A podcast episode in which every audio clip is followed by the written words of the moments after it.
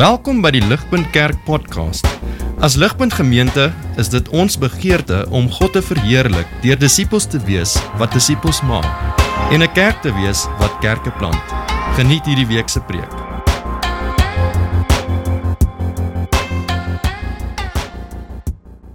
Vriende, ehm um, Party van julle sal dit weet, as ons al enigsins gesels het in die laaste maand of so, maar die ons versterre is in een van daai transition tye waar ons het sopas ons huis verkoop en ons het 'n ander plek gekoop en ons is besig met 'n bietjie van 'n bouprojek. En ehm um, ja, en so dit is maar dis maar skerry tye op hierdie stadium. Ons het 'n redelike fixer upper gekoop en so uh, ons doen redelik baie bouwerk daar en ek waarsku julle net die volgende paar maande kry julle net bou illustrasies van my af. Okay.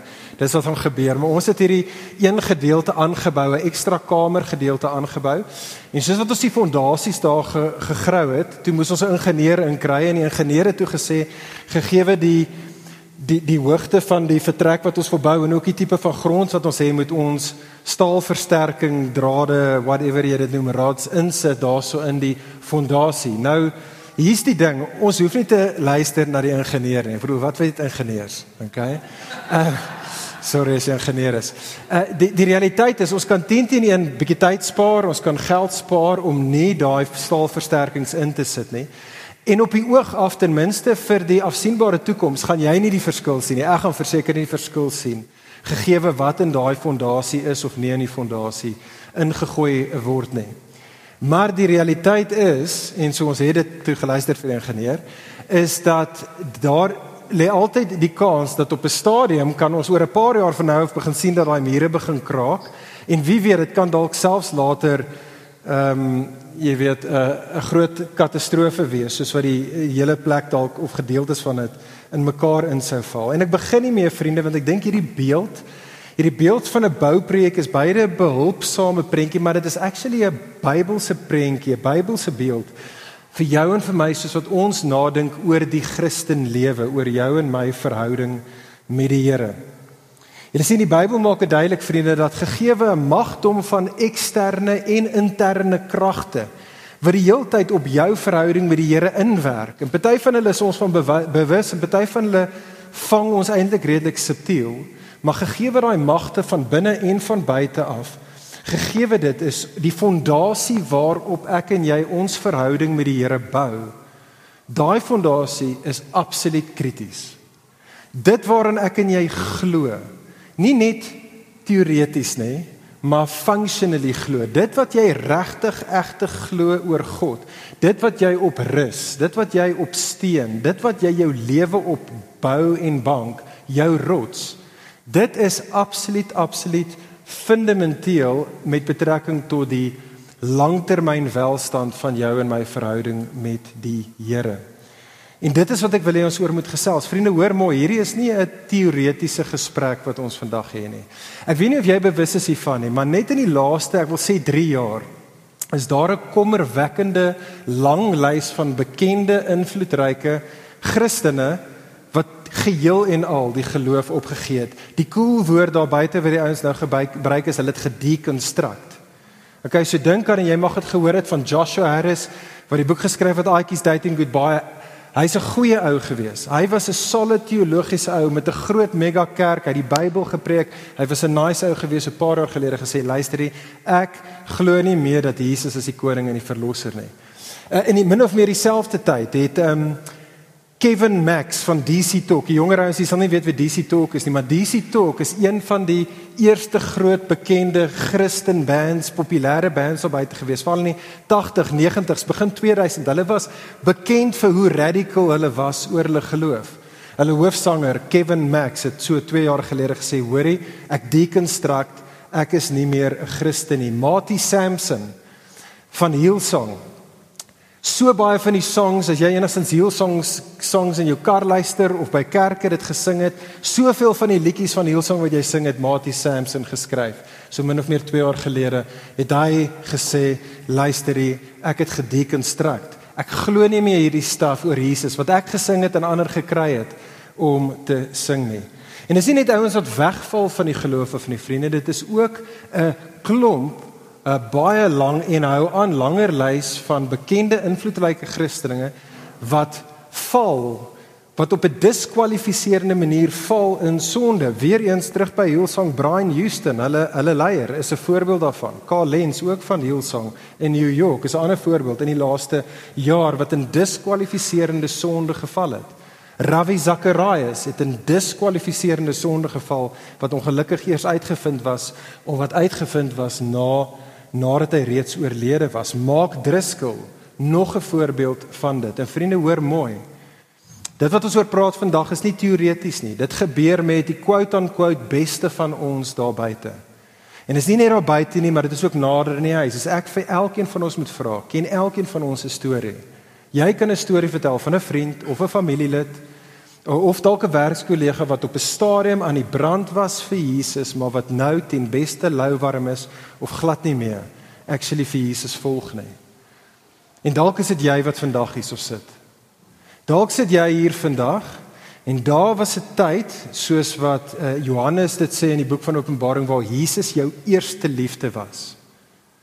Maar as jy moet eerlik wees Christen, jy wat vandag hier sit, kyk jy na hierdie spreekwoordelike huis wat jou geloofslewe is en oral sien jy teen die mure krake.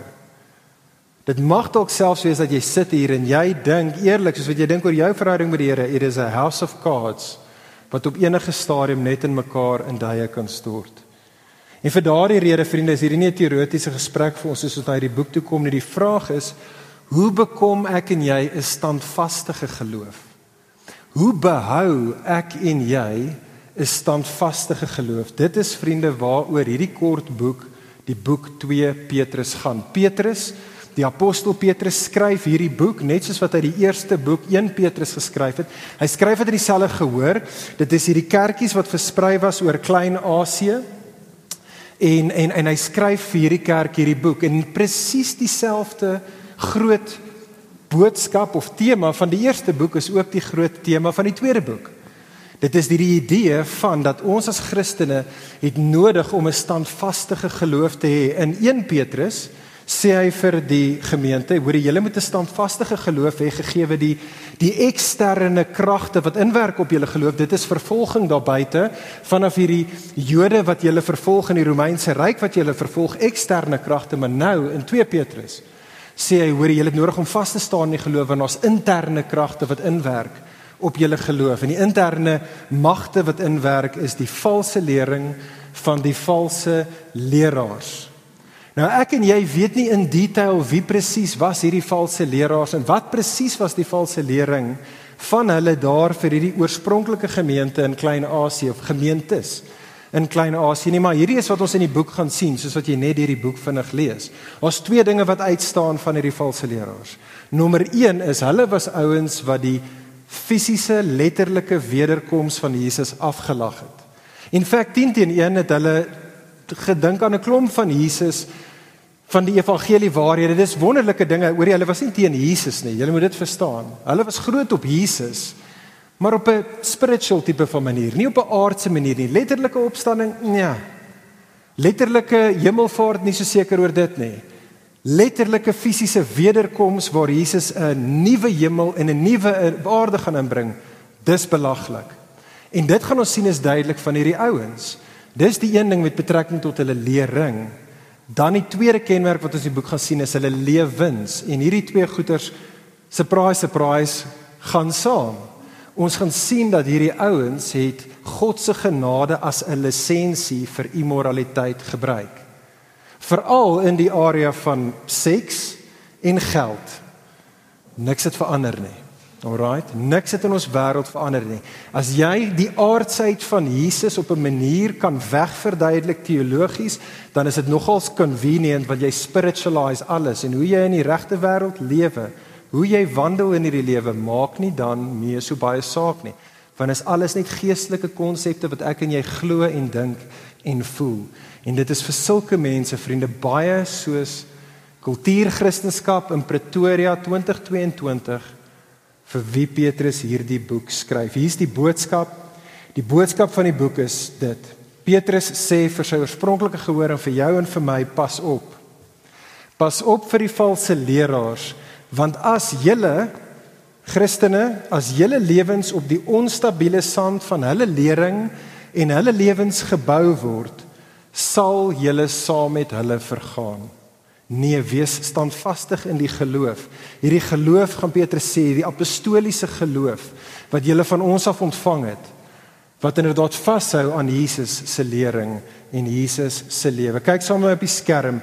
Twee versies vriende, ons gaan nou inspring. Ons het net twee versies vandag, maar ons gaan nog steeds die tyd opgebruik. Kyk met my op die skerm.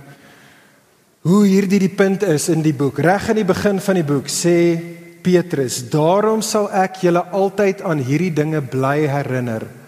Al weet julle dit reeds en as al is julle reeds stewig in die bestaande waarheid gefestig. En so hulle tot bekering gekom deur die deur die deur die bediening van die apostels. Hulle was stewig, hulle was gefestig. Maar nou is daar hierdie versoeking met hierdie valse leraars en hy praat oor die valse leraars in die middel van die boek en kyk hoe eindig hy die boek in hoofstuk 3 vers 17. Letterlik die tweede laaste versie sê hy: "Julle dan geliefdes, julle dan aangesien julle hierdie dinge vooruit weet, wees op julle hoede om nie deur die dwaaling van beginselose mense meegesleer te word en so julle eie standvastigheid te verloor nie. So dit is vriende waar die boek gaan. Dit gaan oor hoe ek en jy kan kophou met interne kragte wat binne die huis van God oorlog maak sodat ek en jy standvastig in ons geloof kan wees en kan bly soos wat ons vorentoe gaan in verhouding met die Here. Vandag kyk ons na daai twee versies wat gelees was. Hou jou blaadjie daar byderhand. Ons gaan kyk net na vers 1 en 2 Petrus se seëngroet. En hier gaan ons sien dat daar's hierdie twee groot temas wat reg deur die boek van Petrus ehm um, gaan ontwikkel word en hy gaan reg in sy begin in sy verwelkoming gaan hierdie twee temas uitwys. Inderdaad wat ons hier sien in die seëgroet is hoe Petrus lê vir jou en vir my die fondasie. Hy lê vir ons die fondasie vir 'n standvaste geloof.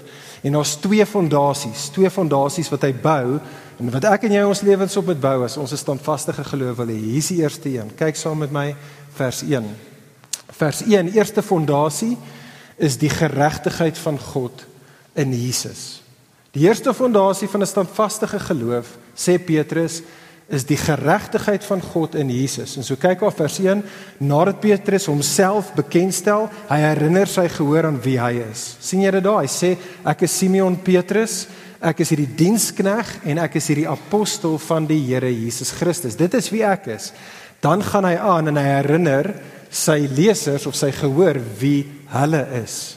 Res van vers 1. Hy sê dan in vers 1 aan die aan julle wat net so 'n kosbare geloof as ons verkry het deur die geregtigheid van ons God en saligmaker of ons verlosser Jesus Christus. Nou daai woordjie wat in die Afrikaans lees kosbare geloof is 'n is 'n interessante woord want dit is die enigste plek in die hele Bybel waar daai woordjie voorkom, maar dit is eintlik die samestelling van twee woordjies wat baie bekend is in die Nuwe Testament.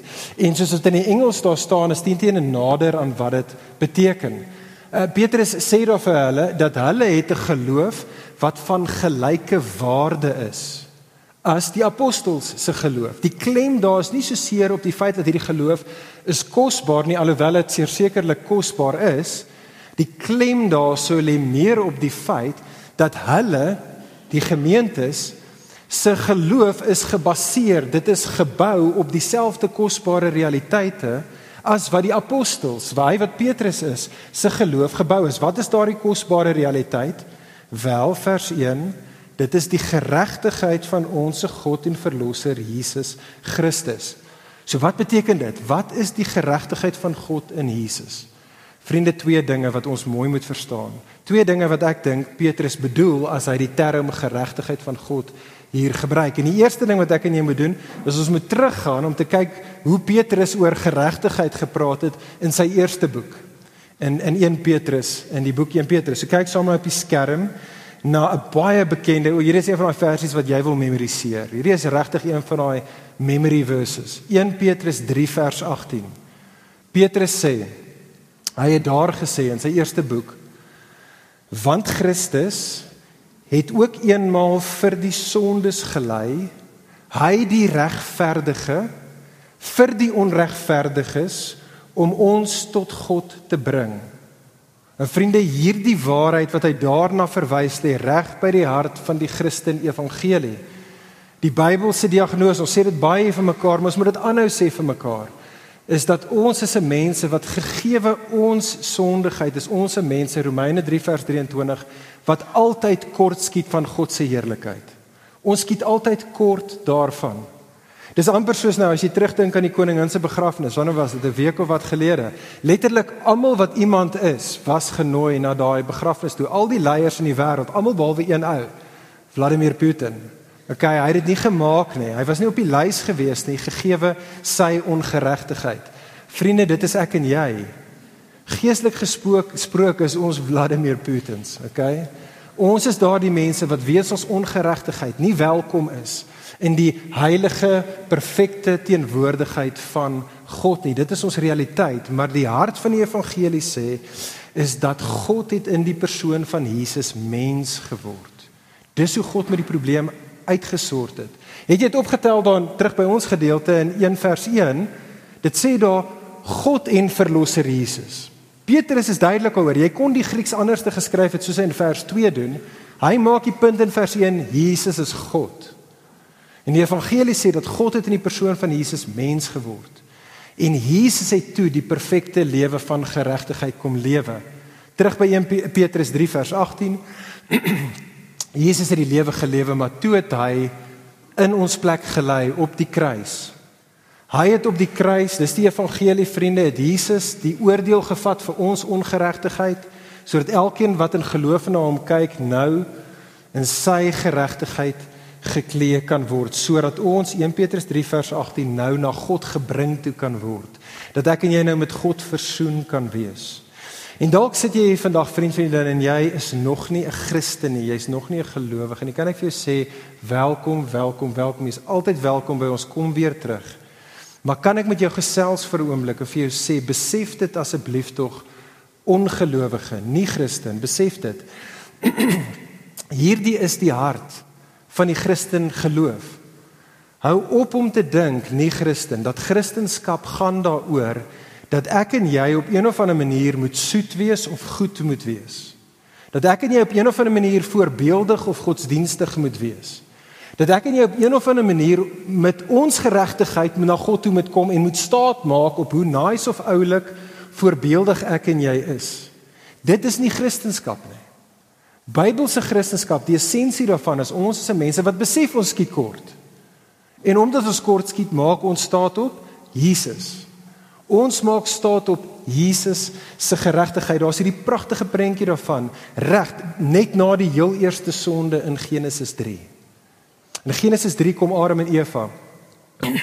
Hulle draai hulle rug op God. Hulle rebelleer teen God se heerskappy in hulle lewe. Wat gebeur? Dadelik sê die teks vir ons dat hulle is bewus van hulle naaktheid. Soos hulle bewus is van hulle naaktheid, kom hulle en hulle vat vye blare en hulle probeer dit aan hulle self plak net om hulle naaktheid te kan te kan verskuil. En God kom en wat doen hulle in hulle vrees want hulle besef dat hulle is nie geregtig voor God nie. Hulle kruip weg van God of maar God kom en God soek hulle en God vind hulle. O nie Christen hoor dit. God soek jou en hy gaan vir jou kry. Hy soek jou en hy vind jou. Hou op in jou eie spreekwoordelike vye blare jou naaktheid te probeer verskuil en kom na hierdie God toe wat na jou toe kom eerste. Kom na hom toe. Wat doen God dan? Genesis 3 vers 21. Hy kom en ons sien die heel eerste dier wat sterf in Genesis 23. Hy slag 'n dier en hy klee hulle met die velle van daardie dier as 'n prentjie vir jou en vir my. Die eerste prentjie as dit ware van die evangelie van Jesus die lam van God wat geoffer sal word vir 'n sondige mense wat naak is in hulle ongeregtigheid sodat hulle nou geklee kan wees in sy geregtigheid. Die Christen kan ek jou uitnooi vandag kan ek jou uitnooi kom na hierdie kosmiese koninklike klerekas toe. Trek uit jou ongeregtigheid. Gooi dit op die kruis van Jesus. Neem sy geregtigheid en geloof as Jesus wees my geregtigheid. Nie Christen dis vir jou, maar vir Christen as jy hierso sit.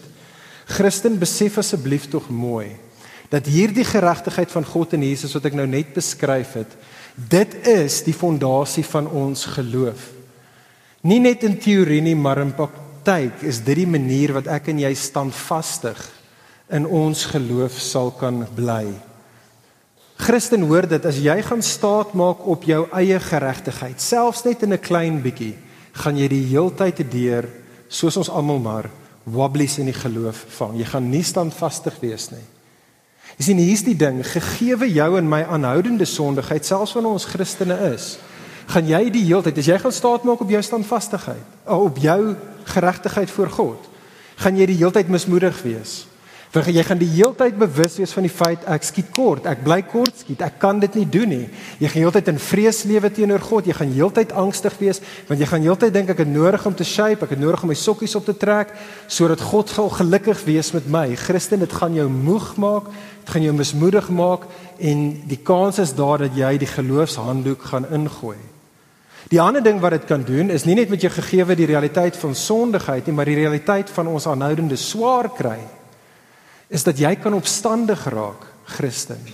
En hoe baie van ons as Christene raak nie opstandig teenoor God nie. Want die ding is as Christene is ons nog steeds realiteit van swaar kry in die lewe. Ons kry nog steeds hartaanvalle, soos wat ons nou net oor gepraat het. En die realiteit is dat as jy staat maak op jou eie geregtigheid, jy werk met 'n verdienste formule met God. Dan gaan jy wanneer jy swaar kry beleef of dink God is kwaad vir jou Want kyk hier, so God is kwaad vir my en vir daai rede kry ek my verdiende loon. Of wat jy gaan doen is jy gaan kwaad raak vir God. Want ek het dan ons my kant van die bargain gedoen en ek verdien beter. Ek verdien beter. Vriende, jou geloof sal dit nie hou nie. Maar verder, nie net sal ons mismoedig of opstandig raak nie, maar derdens is as ek en jy op hierdie manier na God toe kom op 'n ek staan hier in my geregtigheid, mag jy hoogmoedig raak. Jy mag iemand raak wat net vir 'n oomblik, vir 'n dag of vir 'n week dit nail. En so sê my jouself flous dat jy dink jy kry die Christen lewe reg. En jy sal dan grootkop raak, jy sal neerkyk op ander en hier's die probleem. Is jou liefde vir God sal minder en minder word want jy gee nie meer God se genade en God se geduld met jou en God se net sy goedheid teenoor jou raak sien nie want jy's mos die een wat al die wonderlike goedjies na die tafel toe bring. En dit is presies in daai plek vriende waar ons in sonde val. Dis in daai plek waar ek en jy dink ons is die kat se snor waar ons op die beste van tye dan in sonde val. En so dis die uitnodiging vir ons, soos daai liedjie in die begin gesing. Christen, kan ek vir jou sê as jy wil standvastig wees in die geloof, Onthou die geregtigheid van God soos ons terugkyk. Daai liedjie het ons gesing, My hope is built. Maak dit jou lewenslied. Daai pragtige woorde, My hope. Christen sê dit vir jouself elke dag as jy opstaan. My hope is built on nothing less than Jesus' blood and his righteousness. I dare not trust the sweetest frame but wholly lean on Jesus' name. On Christ the solid rock I stand. No other ground, all other ground is sinking sand, all other ground is sinking sand. Vers 2 When darkness fails, he, um, uh, when darkness fails his lovely face, I rest on his unchanging grace. In every high and stormy gale, my anchor holds within the veil. On Christ, the solid rock, I'll stand. All other ground is sinking sand, all other ground is sinking sand. En kyk dan vorentoe Christen. Kyk dan ook vorentoe. Ons is nog steeds by die geregtigheid van God. Dit's baie in twee verse vandag. Maar kom ons kyk ook vorentoe want as Petrus verwys na die geregtigheid van God, dan kyk hy nie net terug na Jesus se eerste koms nie, maar hy kyk ook na Jesus se tweede koms. Jy sien die geregtigheid van God in die res van die boek van Petrus wat ons gaan sien, gaan Petrus dan verder as volg verduidelik. In 2 Petrus vers 5 gaan ons sien dat Petrus verwys na Noag wat 'n prediker van geregtigheid was in kontras met die goddelose mense van sy dag. In vers 7 van hoofstuk 2 gaan Petrus verwys na die regverdige Lot in kontras met die sedelose mense van sy dag. En dan in hoofstuk 3 vers 13 kom Petrus en Petrus herinner die gelowiges en hy sê Die wêreld waarin jy leef is 'n wêreld van ongeregtigheid. Dis baie soos die tye van Noag, soos die tye van Lot. Maar hoofstuk 3 vers 13, Jesus kom eendag terug. En wanneer Jesus terugkom, sal die nuwe hemel en die nuwe aarde ingebring word waarin geregtigheid sal woon. So dis wat hy bedoel met die geregtigheid van God verder. Dink aan daai vuil wasgoed mandjie van jou aan die einde van 'n naweek. Aan daai klere daar is vuil, alles is opgekrummel en verkrekel en gevrommel. En wat die wat die evangelie sê vriende is nie net dat Jesus kom eendag terug of Jesus het Jesus het een keer gekom om met sonde te deel toe nie, maar Jesus kom terug eendag in die toekoms. En dan gaan hy finaal met sonde deel. En dan gaan hy hierdie wêreld as dit ware van alle sonde afskoon was. En dan as Jesus terugkom, gaan hy as dit ware elke liewe injustice, elke ongeregtigheid in hierdie wêreld, sal hy by sy wederkoms dan uitstryk.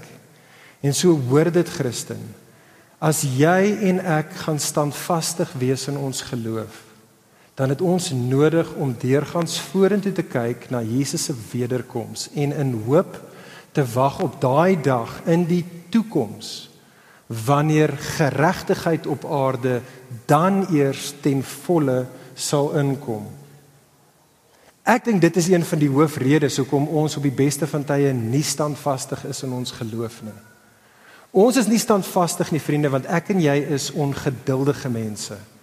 Ons is ongeduldige mense. Kyk saam met my presies na daai versie in hoofstuk 2 eh, Petrus 3 vers 13. In 2 Petrus 3 vers 13 sê Petrus die volgende.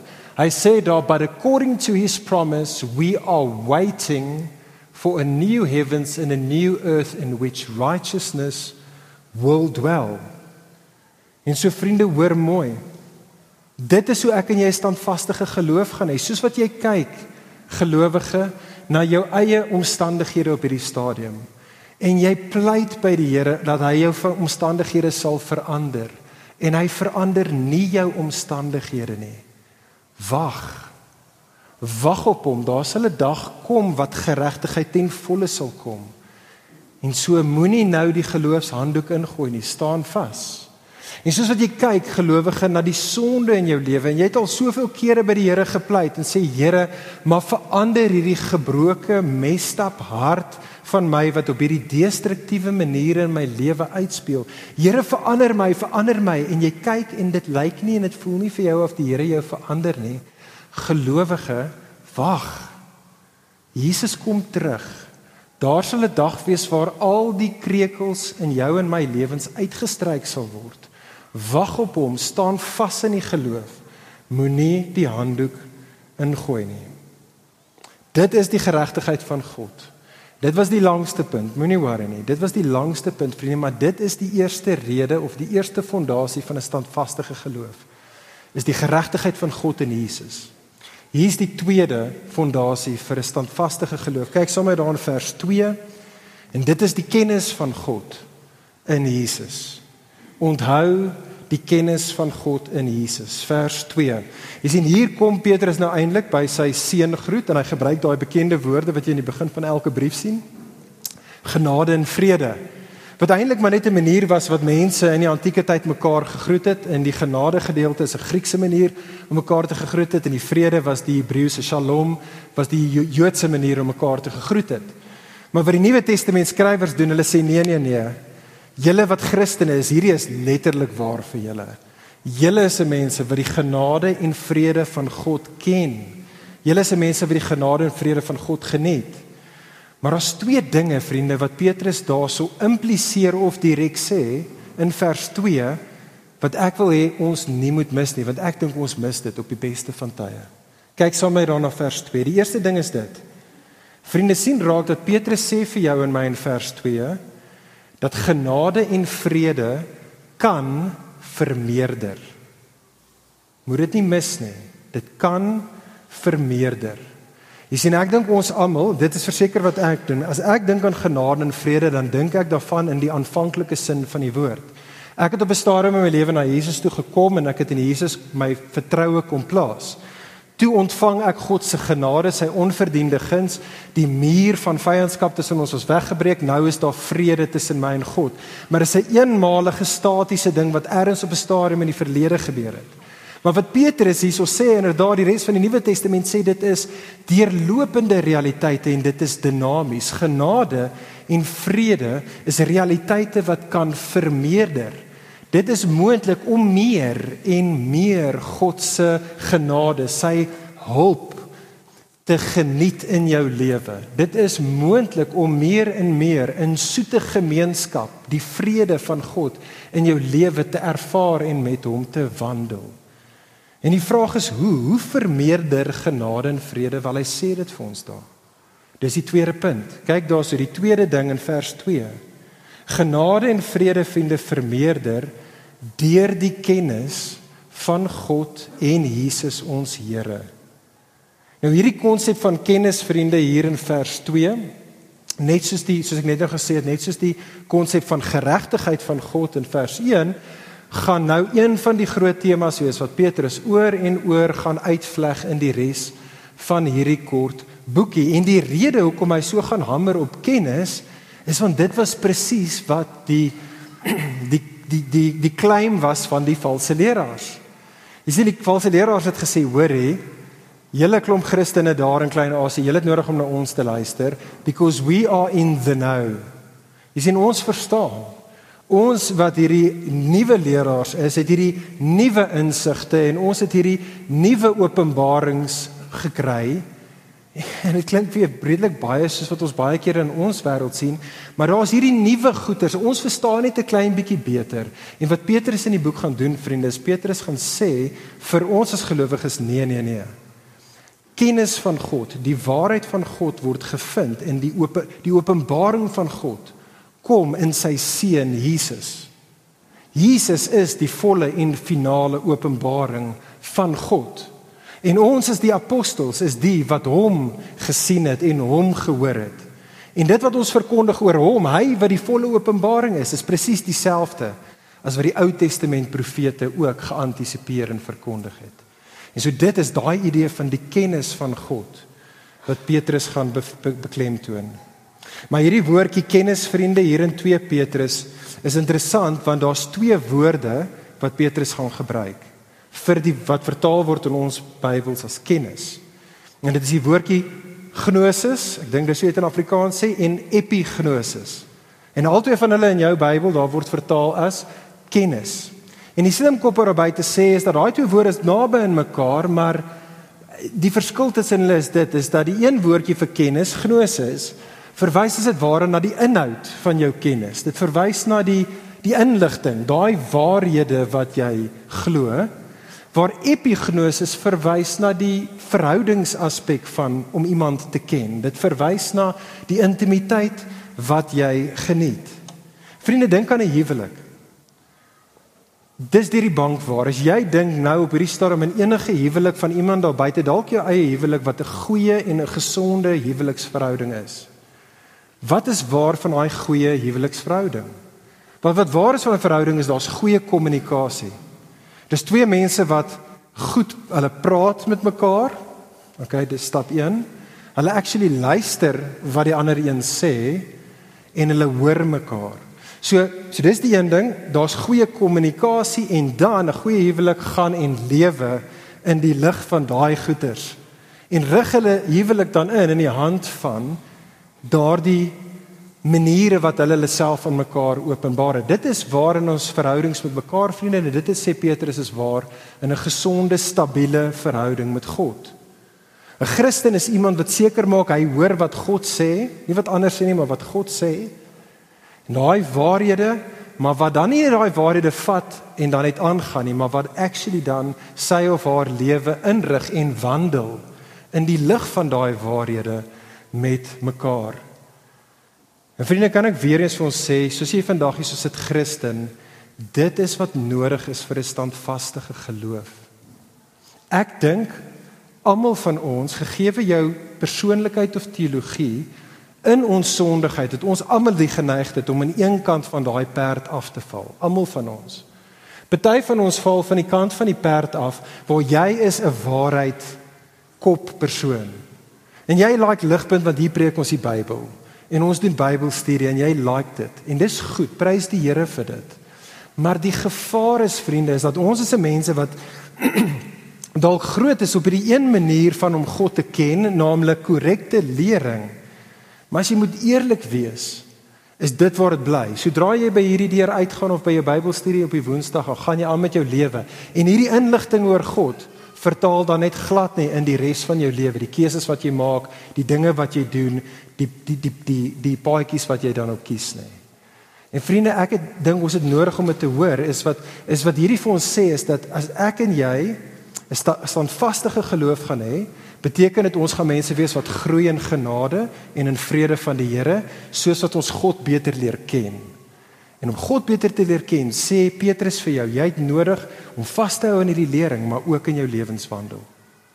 Ek dink daar's ander van ons dalk hier en jy's 'n baie praktiese persoon. Jy sê man, luister jy, dit gaan net oor op die einde van die dag hoe jy lewe en wat jy doen en, en dis great, dit doen. Maar wat die boek 2 Petrus vir jou en vir my gaan sê, is dat jy kan nie hierdie goeders lewe as jy nie inderdaad indrink, petrol kry, die regte waarhede het nie. Goeie intensies is goed, maar dis nie goed genoeg nie. Jy het nodig om te weet wie is jou vrou of jou man? Wie is die persoon in die verhouding met wie jy is? Sodat jy kan weet hoe lyk dit om 'n verhouding met hulle te wees en dit mag dalk jy wees. Of vir jou sê vriend vriendin, vir jou dalk om standvastig in jou geloof te wees, roep die Here jou in 'n seisoen om meer erns te maak met die waarheid van die Bybel, om die waarheid aangaande Jesus soos vir ons gegee deur die apostels wat dit reeds gesê het, nie moderne apostels nie, en profete wat dit reeds vir ons gegee het, nie moderne profete nie. Jy word geroep tot dit. Ek en jy word geroep tot dit. Dit is nodig vir 'n standvaste geloof. Vra jouself af, Hoe het jy wat vandag hier so sit en ek, hoe het ons nodig om God en Jesus beter te leer ken in lering of in lewe? Want dit sal vir ons die genade en vrede laat vermeerder in ons lewens en 'n standvaste geloof gee. Ek sluit af. Ek wil afsluit. Kyk vir 'n laaste keer daar vriende na daai daai versie, die inderdaad die eerste woorde. Ek wil hê ons moenie mis wie die een is wat hierdie brief vir ons skryf nie. Die een wat hierdie brief vir jou en vir my geskryf het is Petrus. Jy sien Petrus vriende was 'n apostel. Maar Petrus was 'n hoender soos die res van ons gewees. Hy was 'n apostel gewees, maar hy was 'n sondige en 'n gebroke mens gewees. Is dit nie fitting juist dat hy die een is wat hierdie boodskap vir ons gee nie? Petrus wat net voor Jesus se kruisdood vol bravade gesê het ek sal vas staan in die geloof, ek gaan dit maak, ek sal sterk staan en hy was toe die een wat vir Jesus verloon het. Petrus wat later jare nadat hy die Gees ontvang het, nadat hy die leier was van die kerk, soos ons lees in Galasiërs 2, wat toe hy saam met sy Joodse pelle was, het hy het was hy te skaam om op te staan vir die nie-Joodse Christene en Paulus Galasiërs 2:2 moes hom gerebuke het want hy het weer eens nie vasgestaan in sy geloof nie. Dit is die een wat hierdie boek vir ons skryf. So vriende, moenie vir 'n oomblik dink dat Petrus wat vir jou en vir my roep en sê Christen, jy benodig 'n standvaste geloof, sê dit vir ons want hy het dit geneil nie. Hy het dit nie geneil nie, soos wat ek en jy dit ook nie geneil nie. Maar wat Petrus vir jou en vir my sê, is hy nooi ons in hierdie boek in. Petrus sê vir jou en vir my kom. Ek wat Petrus is weet hoe lyk dit om nie 'n standvaste geloof te hê nie. Ek wil nie julle met dieselfde paadjie stap nie. wat Petrus sê is kom. Kom na Jesus toe. Kom en bou jou lewe op die fondasie wat Jesus is. Kom na Jesus toe.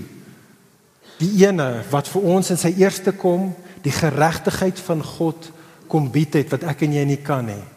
Kom na daai Jesus toe wat in sy tweede koms vir ons die geregtigheid van God ten volle gaan laat realiseer. Kom en bou jou lewe op hom soos wat jy nou in die hier en nou luister na hom in sy woord. En soos wat jy lewe met hierdie Jesus en so ook saam met sy mense, kom en bou jou lewe. Bou dit op hierdie Jesus. Dit is waar 'n standvaste geloof gebou word. Alraai, vriende, kom ons bid saam.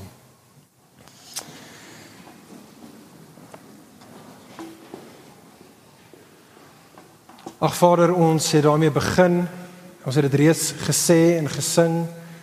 Here, ons wil U loof en prys dat in 'n wêreld wat so shaky en wobbly is, 'n wêreld van sinking sand. Wil ons U loof en prys vir die seun Jesus. Ons wil U loof en prys Jesus dat U is die standvaste een. En Here, elkeen van ons kom in die krag van die Gees en ons kom vandag en ons sê Jesus, ons wil ons hele lewens, nie net 'n gedeelte van ons lewens nie, maar ons wil ons hele lewens op U Jesus as ons fondasie bou. En so God sal U deur die Gees ons genadig wees om ons lewens, nie net in ons koppe nie, maar ook in ons harte en ons hande en ons voete, alles op Jesus te bou. Here ons dank U dat ons kan weet dat soos vir die storms binne en buite gaan bly woed, sal ons standvastig wees. The Lord is our salvation. En ons loof en ons prys U daarvoor. Here, ons gee Uself opnuut gee ons osself nou vir U. Kom Here deur die Gees en bring ons in lyn met U woord en waarheid. Amen. Vir meer inligting oor Ligpunt Kerk, besoek gerus ons webwerf op www.ligpunt.com of kontak ons gerus by info@ligpunt.com